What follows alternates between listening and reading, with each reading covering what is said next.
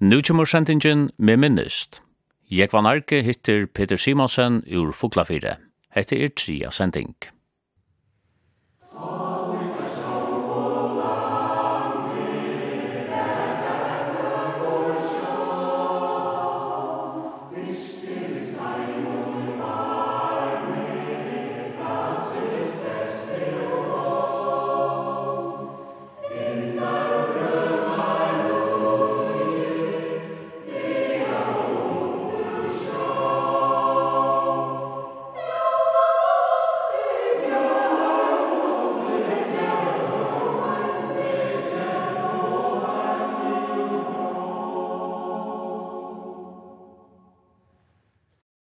Peter, du får til Kjeppmannhavnar i 1906, tror Jeg Jeg har søkt inn av studenterskola i Kjeppmannhavn og slapp inn. Kui i for akkurat til Kjøpmannhavn, ta, ta du ikke ordentlig å ha en helt einfalda forklaring på. Men uh, en uh, årsøk er, jeg var lest han, er at uh, jeg er tver systre som bor i Kjeppmannhavn, og det er måned, og enda tvær bodger som var sjåmenn og sylte ut fra Esbjørg. Og så var pape som uh, sylte i danske handelsflådene ta, og var rettelig nek fra vi i København.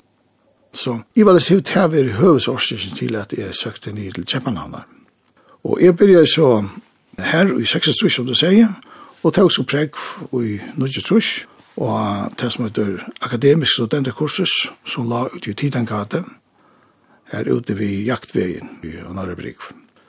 Hette var tre spennende år, Men uh, det er absolutt synar avgjøringar å komme og fogla for nye til Kjeppmannhavnar.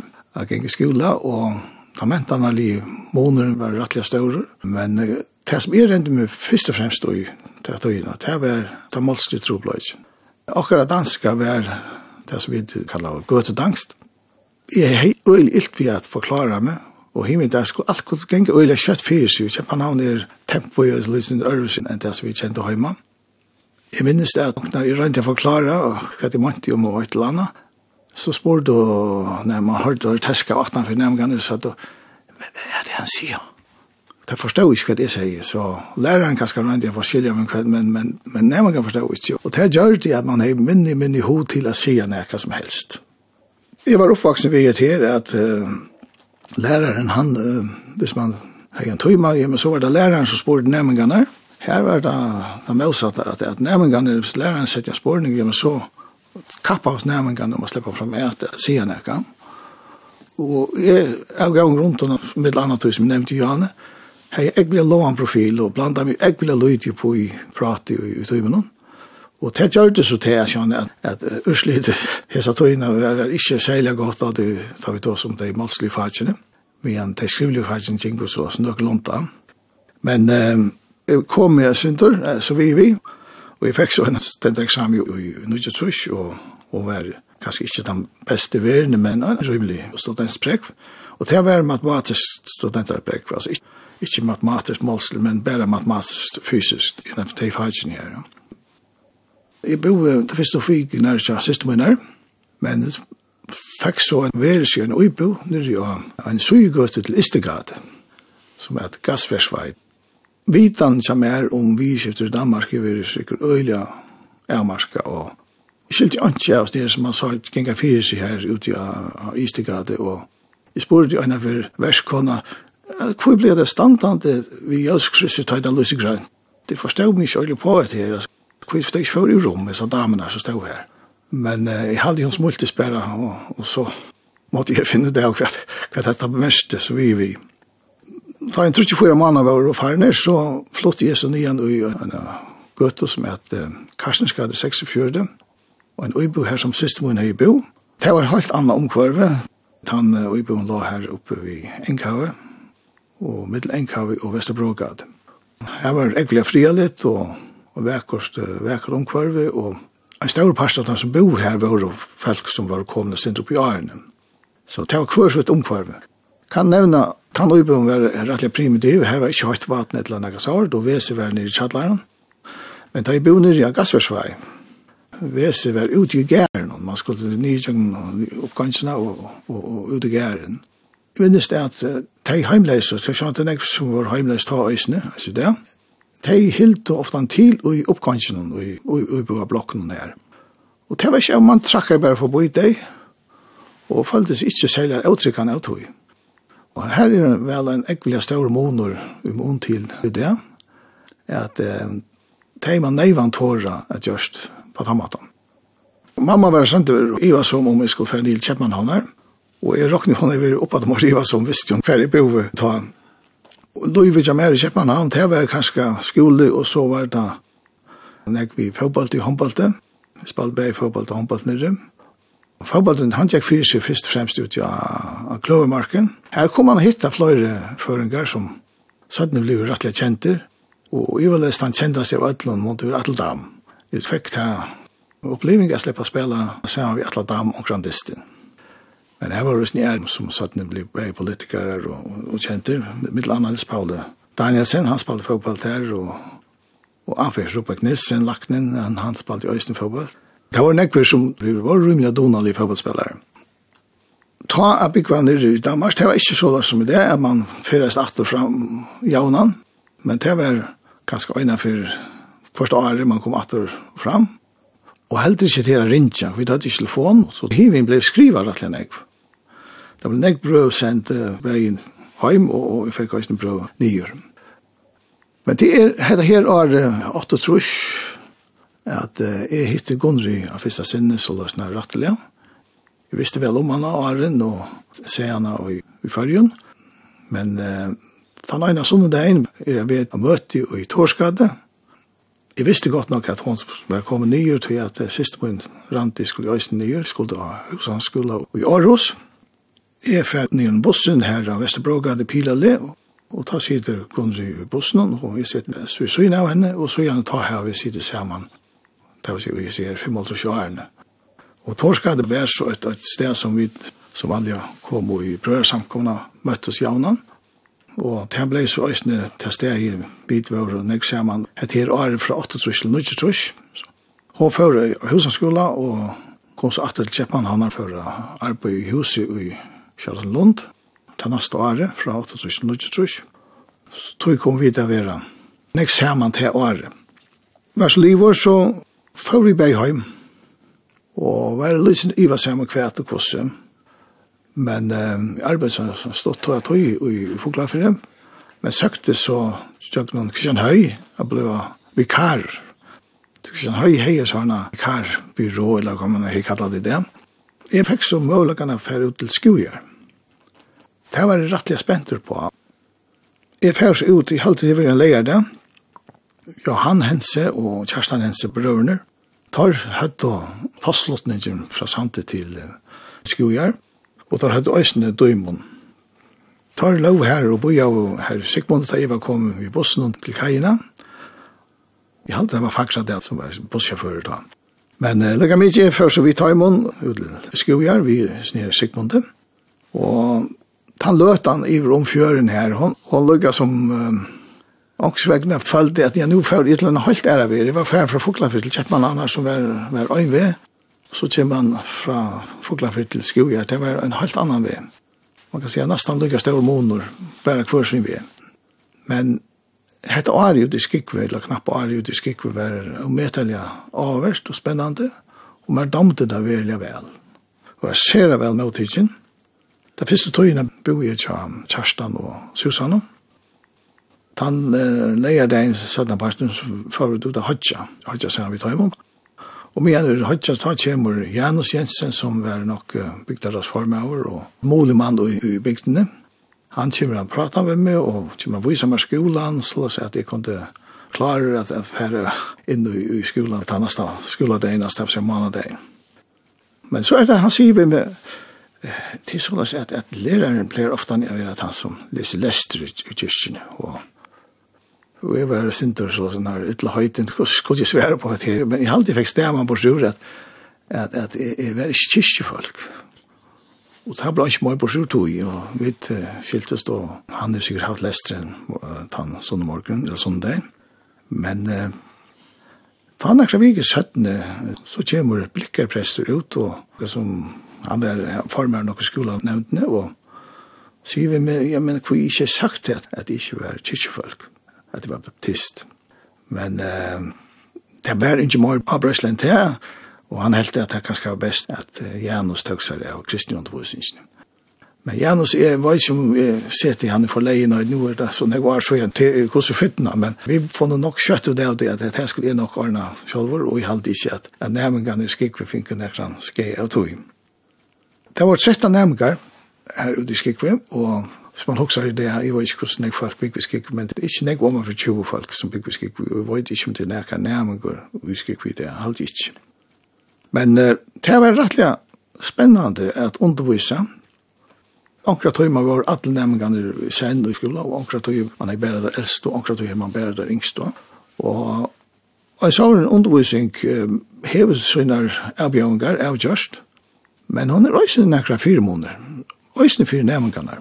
Og jeg halte at tar eldre nærmengene, tar øysene finken jeg på sjord, du vet at tar åkna kunne teka seg av tar med nærmengene som var lydsindur yngre, kunne hjelpa tar med støttfrihet, eller lesing, eller hva han kunne være.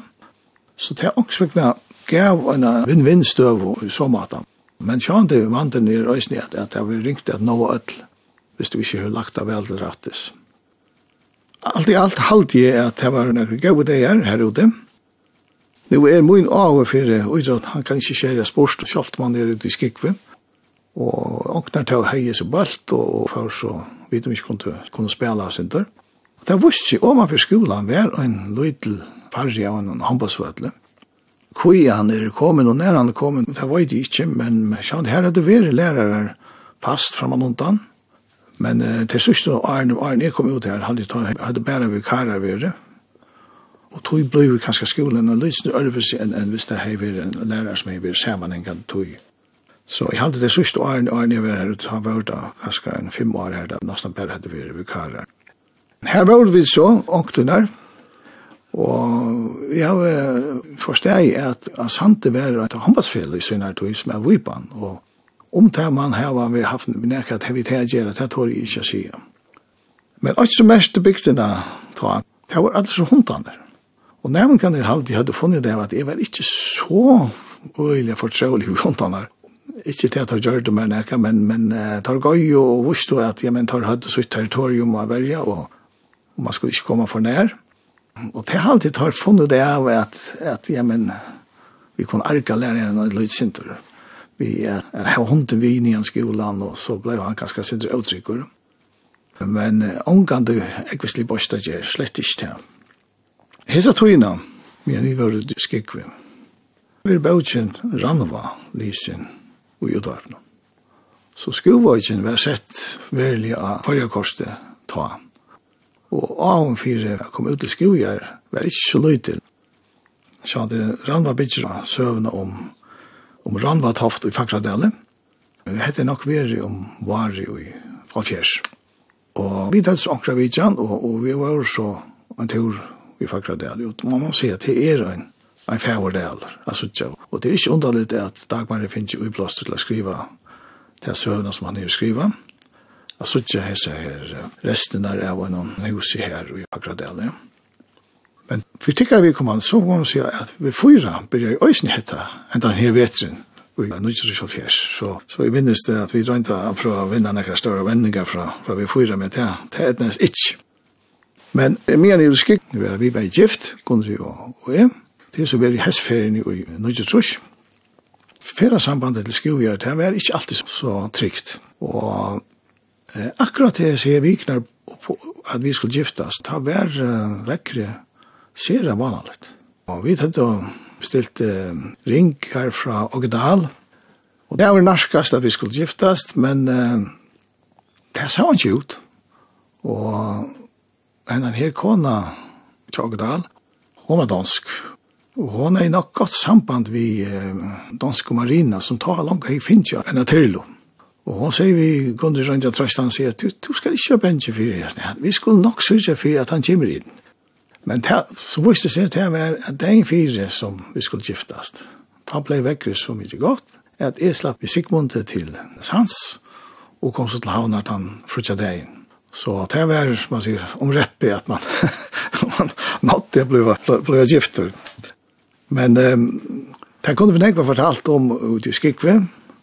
Kanskje vi er for avbyggven til at, at ordelig då en livet mig inn i, i bygdalivet som jeg burde ha gjørst.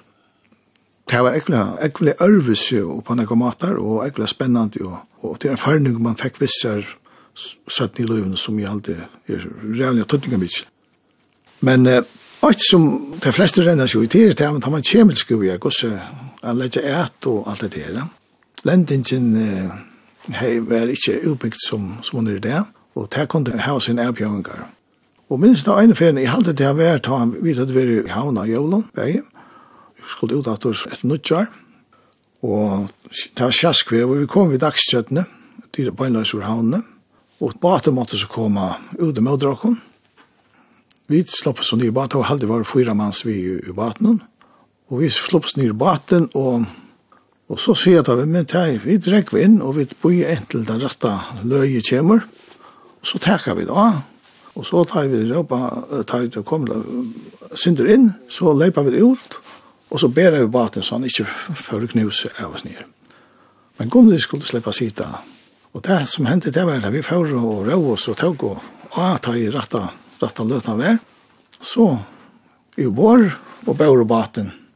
Og Gunnar satt og tråna i mitt som en dronning da. Ta mynten her, halde jeg nok så avhverd og, og, og kjentelig. Men så var det treten her, altså. Hvis man skulle komme, hvis det var som ikke var kanskje så raskur, men så ble han sidan baten med en hinner, mennene lovo. Og så er for vi karmen igjen til hos ta. Det var så togene i Skikvis, Da jeg var ute i Skikve, så ble jeg mer og mer samført om det her at uh, men de måtte vel være lærere, de måtte vel undervise. Og da jeg lukket som prøver etter rasjonalisere, så, så så ikke jeg minnes det en henting da jeg gikk av studenterskolen nere. Jeg var ikke den raskeste å skrive stål, og var nok sjaldan ta en av dem som gav anledning til å prate, hvor jeg prat, vi lærere. Men da ene finner, ta alltid tema i hver, eller evne i hver skola tøyen. Og ta hod man også om min vatten ungdomsskola tog hjem. Og da har vi sikkert fått jobba med løsning til isen her evnen, altså, som jeg nevnte isen før. Altså, gosse kan skolen få ødelvi. Og her vi så fest med oss til vi skolen for ødel. Gosse kan ta som er bøklig vel fyrir, ta som er mer praktisk, ta som er kreativ. Gosse kunne ødel føle seg vel i skolen og her var en god oppleving og mennes der. Sin historier som jeg skriver, han gav oss anledning til at han her lærindan som han sier, her er nekka som vi gjerne vil prata om. Så kanskje hevet her veri langt her at, at er ferien og sindre handa vei. Så mye jeg var i Skikve, så søkte jeg inn av lærerskolan, og søkte om jeg kunne slippe undan til første åren, og jeg hei studenter prekk, og til første året, det var her fyra utkikker år.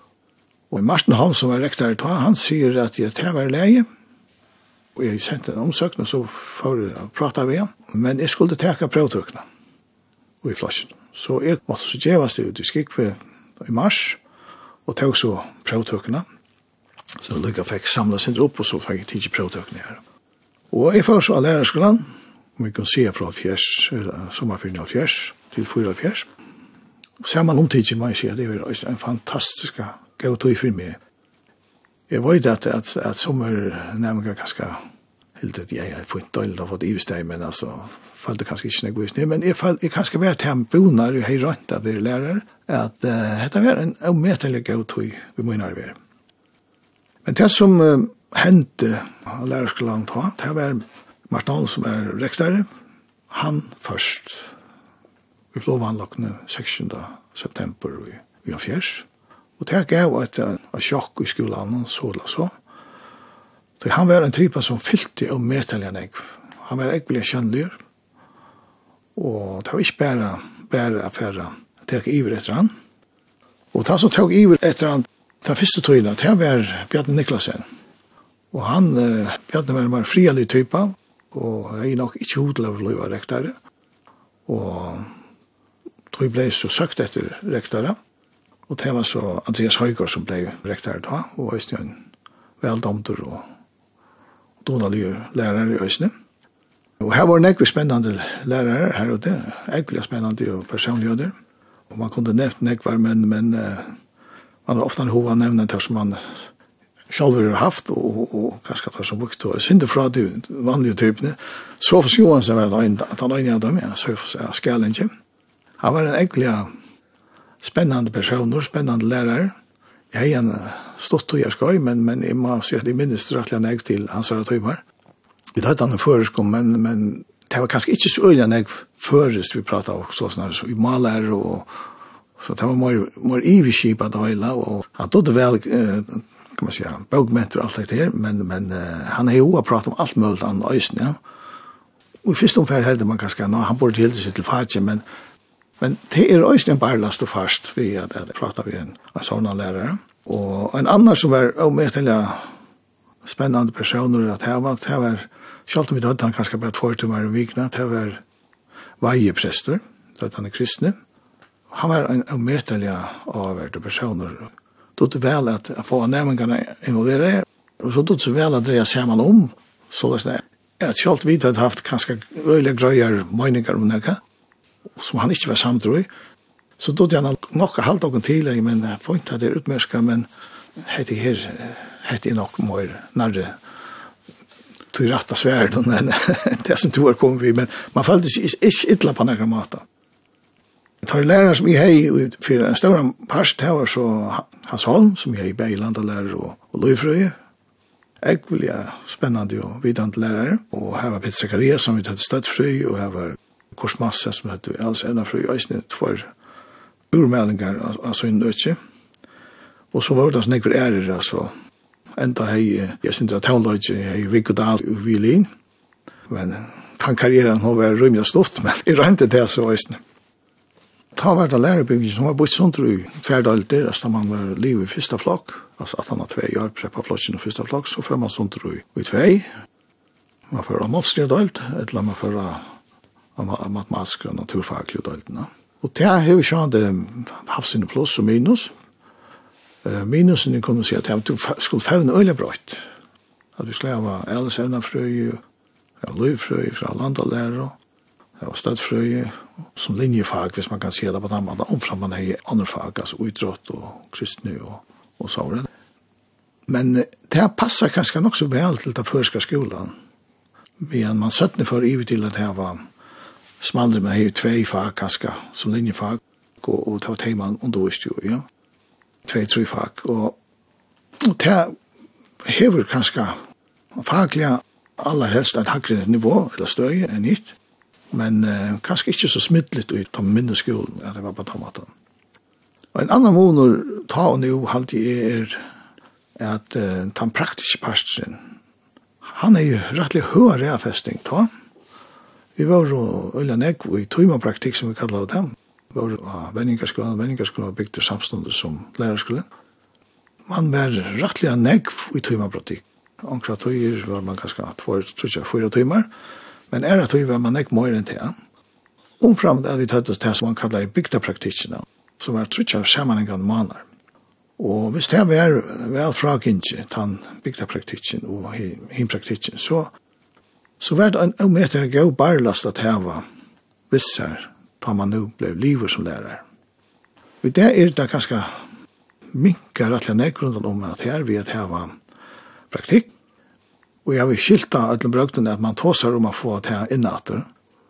Vi har jo en sånn og en sverdøtter som har gitt i lærersklass som ikke har hatt det så jeg av, av praktikk. Og jeg har alltid til, hvis jeg skal ha en mening om det, vær ikke en fire måneder da jeg kom ut men det har klarat seg vel, for han skulle ikke det som jeg sier. Det er så en, en måneder av, av läraruppbyggningen som ble kanskje mer akademisk, det satt noe Arne, til henne som var fackliga, rymliga, vel, kippa og, og gå, men kanskje ikke så akademisk som hon är det. Men, men som sagt, jeg halte at, at, at man hokser näkt han vägen att få den praktiske parten upprefästan i, i läraruppbyggningen. Da jeg var livet, før jeg bare en gang til Åman, jeg ble lærer av Venningerskolan, og her var jeg i tve år. Og Jeffrey Hennesen var skoleskjøret, og kan nevne at vi hadde Jeffrey Øysene av lærerskolan under akkurat timer, til så vi i Nomsfrøy.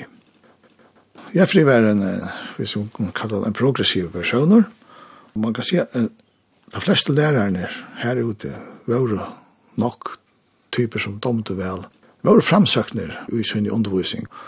Høyt og ganske sin alternativa undervisning i mån til den traditionella skolan. Men som søtten hev smitte av seg ut av alle skolene. Og man domte vel av Venningaskolan, men heimlangslen var her. Og jeg fikk ivitella kona til at vi færa til Foglafrær. Vi vet ikke kona være her. Og jeg søkte så Foglafrær og fikk så starve her i 6 og 4. Det var, det var en særlig oppleving. Jeg kom atter til den skolan, her til å byrja i ja, 20 år fra mann og nesten. Fyra og trusir byrja jeg her, så 22 år atter man. Her til å byrja just til skolan, og tog seg farvel. Og Så tog jeg også at siden kom til atter og i den skolan, og ble starsfellet vi omkring av lærer som du har haft fra første flott ja. Det var en særlig kjensla, og jeg snø, jeg ville avverst at oppleva at jeg var sen her personen standa oppe i bulten og var han som var den absolutte myndeløgjen, til å sitte sammen rundt om bordet sammen vi bykommande og prata som lykka med over.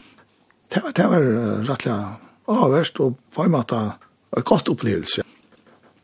Men da jeg kom atter her 46, da er Lovisa som vi har haft fra første flott, ja, vi har takket fyrir seg, og minnes den tar han fraferden kan løtene være her og lærerstående for Gløfrim.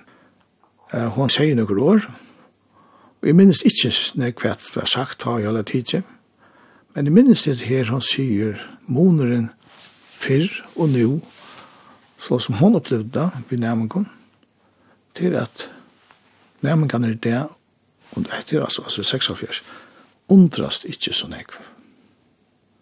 Jeg undrast hva jeg fyrir, for jeg kontakt, og jeg ser løser jag måste si at det er en äckliga, äckliga vidkommande pedagogisk mat jag också på. Hur får vi nämningarna att undrast? Allt är så självfälligt. Det som vi til det ganska självfälligt i 6 Det är så något annat som är så självfälligt til det som att det var ohuxande också om ta. Och det är ganska konstigt i skolan att få nämningarna att också ge men Allt är ikke en Att det så må man undra seg, hur er det så lösning på det. Sätta spårningar. Det er aha-opplevelse som man tar seg om som är en äckligare grundläggande fyrträd, fyrläring. Så det var hon inne, ja. Jeg vet ikke om henne pedagogikk hvor ta hever vi är snäckt han vägen, men nu tar jag legge fra seg, så halde jeg till henne nye stöva. Det her att undrast är äckliga grundläggande i alla undervisning. Da jeg kom nå her, ta var så Johan Lendersen skulle ha kjøret. Han har jo eisne haft at lærerne, da jeg gikk i badnarske land og eisne jo i fremhåndsveltene. Og svekkene har jo nok haft godt alle av.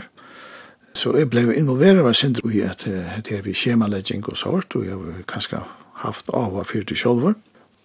Og søtten ble vi så væreslagsjøver i et år, ta vi han som var væreslagsjøver ta, eller Jakob Jakobsen, for av et årskøy. Så jeg ble væreslagsjøver til året, og det er dommer øyne vel. han. Men mine fag var jo først og fremst støddfrøy, elsevnafrøye og idrott. Det var det høresfagen som var, men så han de undervist i øyne og i øren, fagen og i de yngre flokken. Hvis vi skal også om skolan Foglafri det som omfatter sånn bygdene som da jeg var her, ut og Foglafjør, altså da vi tok som fremmestallene, så er en øyelig stor brøyding hent, og det er middelandet til vi nevnkene, nevnkene til Ta i det vær på det meste. Så mange det var altså oppi 430 næmengar som gikk i skolan her. Og i det er det ikke 300 næmengar. Her var folk at det i vaks i Gjørtsen. Og det var jo sånn at det var færre bød for per familie. Og det er så en gang som ikke bare er her, men nok er alle steg. Særlig kanskje er bandatallet i Foglafri ikke kommet opp at det som det var. Altså, kreppan rakte så hardt, og, og fraflytingen var større. Folkatelje bygden nye kanskje er ikke kommet opp på at det som det vært hadde vært på det meste. Men kanskje Lørgøta er til samans blivet nek større enn det vært. Men korsen er, er nærmere til det, faktisk minka.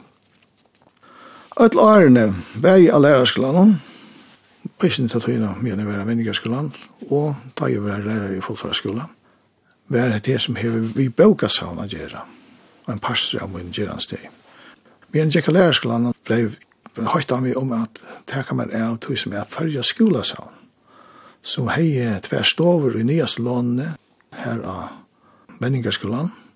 Det var Osmond Johansen som lukket som høyt av meg om at teka man er av oss ned. Jeg får så regna at jeg på det og kipa fyrir tog. Lærarskolen hei øysene nekka bøker som tar yngsta få ui a bøka saun. Og her får jeg øysene holdt det kipa det. Og samstundes alle årene mine tjekka lærerskland, arbeidde jeg på Jørbøkasavn. Arbeid er hver vik og 20 timer av vikene. Så Bøkasavnet var en pastor av min forløyga da jeg kom atur til bukla for det. Og av skolan var ikke Bøkasavn ta, eller det var, det var ikke særlig, det var nok en stova som var brukt til det, men jeg fikk så til oppgave at uh, skipa Bøkasavn i Nudjon, og vi flyttet inn en æra Nudjon stova, Det var en parster av min, nevnte hver fag jeg, men det var så en parster av som takst vi. Og søttene så ville kommunen, hon ville den gamle skolen som heiver boga sann en parster av tøyene, at han at skolen var flott nyan. Her var man ferdig halvt vi å renovere han skolen. Beg innan åttan. Det ble så lyst etter onker falske som kom til å teka seg av tøy, nekra tøymar og vikna. Og jeg var så framlig at jeg søkte det, og, og fikk så til oppgavene, og fikk så til oppgave at ikke at innrakta bygningen, men at, at innrakta bøgasavn i bygningen som, som er bygd til enda malen. Færre vi det her i det, så er det mest som samme løster som er her i det. Så et her vi bøgasavn og tog som Luigi tog, var en parstre av og innom foreløyka tog man i Tjejefors søker etter og innom løyere, en sjøra til landsministerne for undervisninger om. Det er sånn at skolaverste, eller skolen var ivetidsen i 88, og, og i 94-levene, folkeskola lovene fra 94. Her stender i en av grøn at sett vi av stån landsmystø for undervisningarampo. Og i var lest hever, uh, det her finnes i blåster fra de danske folkeskola lovene. Her tar høyt en landsentral for undervisningsmidler. Han ble satt ned nylagtor, og så ble det amtsentre for undervisningsmidler. I stegen, altså der steg man i en sentralan stål, så har man amtsenter som, som tog seg av sin oppgave. Hoksanen 1804, en landsminister for undervisningen på, Hon er veriet her at man hever en stavn som hever underviskartilfær som skolan kan læna. Men øysene er at man hever framsyning av nødgjøn underviskartilfære, Og man hei rådgjeving i fyrir skolen og lærere, faglig rådgjeving, og man hei òsni hei en nomslig verste. Det var lukka som den samla i patjen, og jeg fikk så oppgav at gjøre en kunnskjer, eller oppskottlende kunnskjer, som uh, kunne stedfesta hvert hver oppgaven fra landsbystøyene. Og hun femtes om jeg sier fyra tingene, hans fyra bøyne som hun kommer virke etter 17. Jeg vil gjerne at man kanskje kunne kalla han huset av læreren, eller huset av skolen.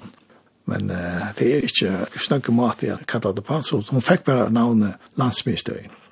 Og landsministeren for underforskning ble det tungt, og så siden ble det så kallet bare LMS, LMS som landsministeren, en stytting av det. Og bomerskje til landsministeren ble også nødt til LMS, som hun Sigrun Olsen gjør det.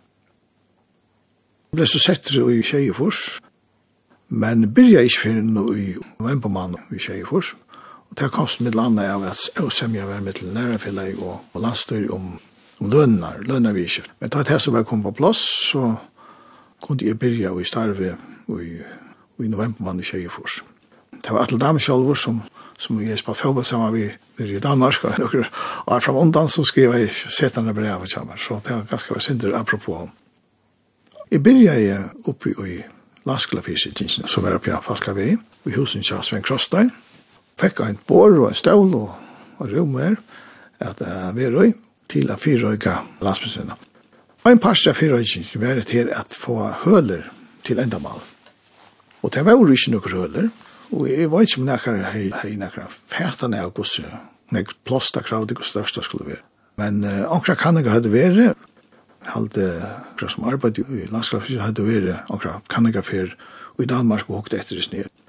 Men jeg skilte i alle brøkten at Hensar Ellenskår som tar en landskapsfisket hei gått eie av grunnabygningen. Grunnabygning, det var den bygningen her, hushandelsgrunneren, menningagrunneren og lønjagrunneren, helt og til, og som åtto tann bygningen. Jeg tar vær og i de overste hattene. Vi hadde en vær parsvis i brudje, Danika kukkan er helt til her, Og så stod en rettelig stor helt av myhatten som ikke var i bruk. Og til etter så få en avtale i lev vi grunnene om at vi løy oss inn i tannbygningen her. Men nok vi tog for eia at tann der i Danica køkene flott ut, ja, så kunne tannparsten dreies inn i det samleie prosjektet til landsmyndighetene.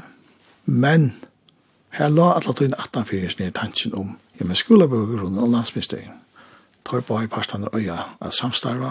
Hvis det ikke var lagt det sammen, så øya det er samstarva i ødelen for.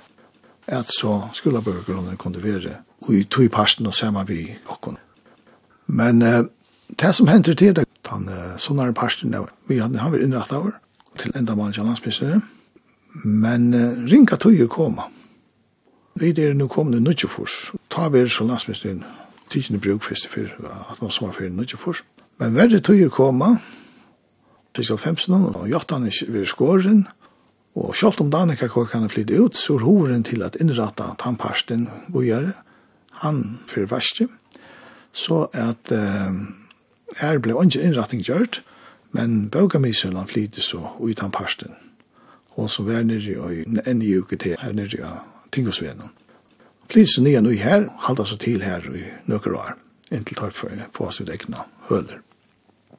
Nu nevnte jeg her Jani om virksomhet til landsministeriet, men uh, det er ikke om samanlegging, eller tatt tatare samstad med landsministeriet og skola på grunnen, det ble omgand og ordentlig aktuelt, det ble jo ikke verilig for enn vi kom ut i 2020. Ta blei da av politisk konstige et veriligt uh, innskje, at man gjer det. Og i det kom vi si at til en samanlagt stående som heter NAM, Landsbygstøyen er en pastor, og skolabøkeren er en pastor, og kadediblen, som er sprotten bors ur landsbygstøyene, er en pastor. Tannstavneren hever det finnes ikke nære oppgaver som kanskje var rettelig opplagt der ta øsene, tega seg av, middel anna til som er et av namsatlander at, at arbeida nøyvar vi tog parsten, men han så øsne finnes er oppgaver til dem som har av prøvstå. Men hvis jeg fer atter til det har vi ikke før gang til åker vissim, så må man si at togjen her fra 293 og fram etter, han var mest atlatin av at jottan var så øvarska løyte eller mån til tarven.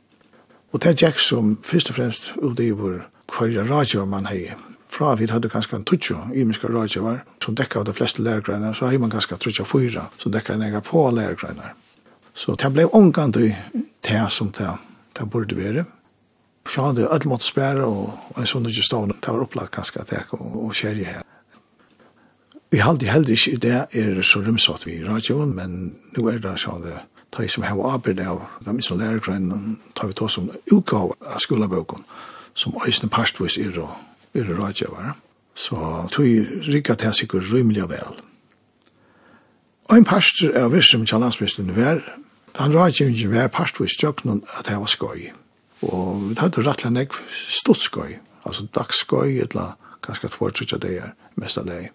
Og det halde jeg fikk, og med til jeg gav undertøk og teg årene, ta namslig verstein som jeg nevnte, tog en fjord simpelthen fra at den teknologien brøttes så kjøtt, fra til at det her var et videoopptøk og tøl, som var egentlig forkunnet til skolen, Ja, hver nærmere hei sin opptøk til lommannene, sånne ting, de brøttes, de teknologien brøttes og med til det kjøtt til årene. Men um, vi hadde som et annet studie her man kunne lese bøker inn, eller man kunne lese opp, kjønløk, eller hva det kunne være.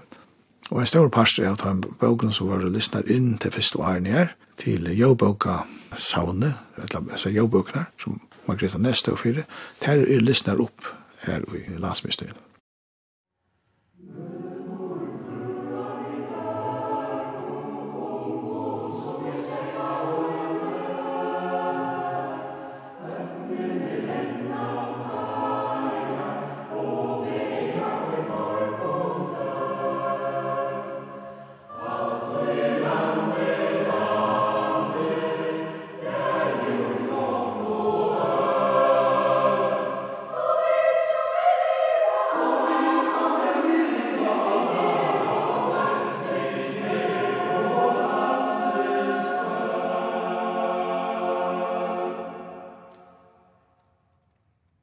Hatta var sendingen med minnest.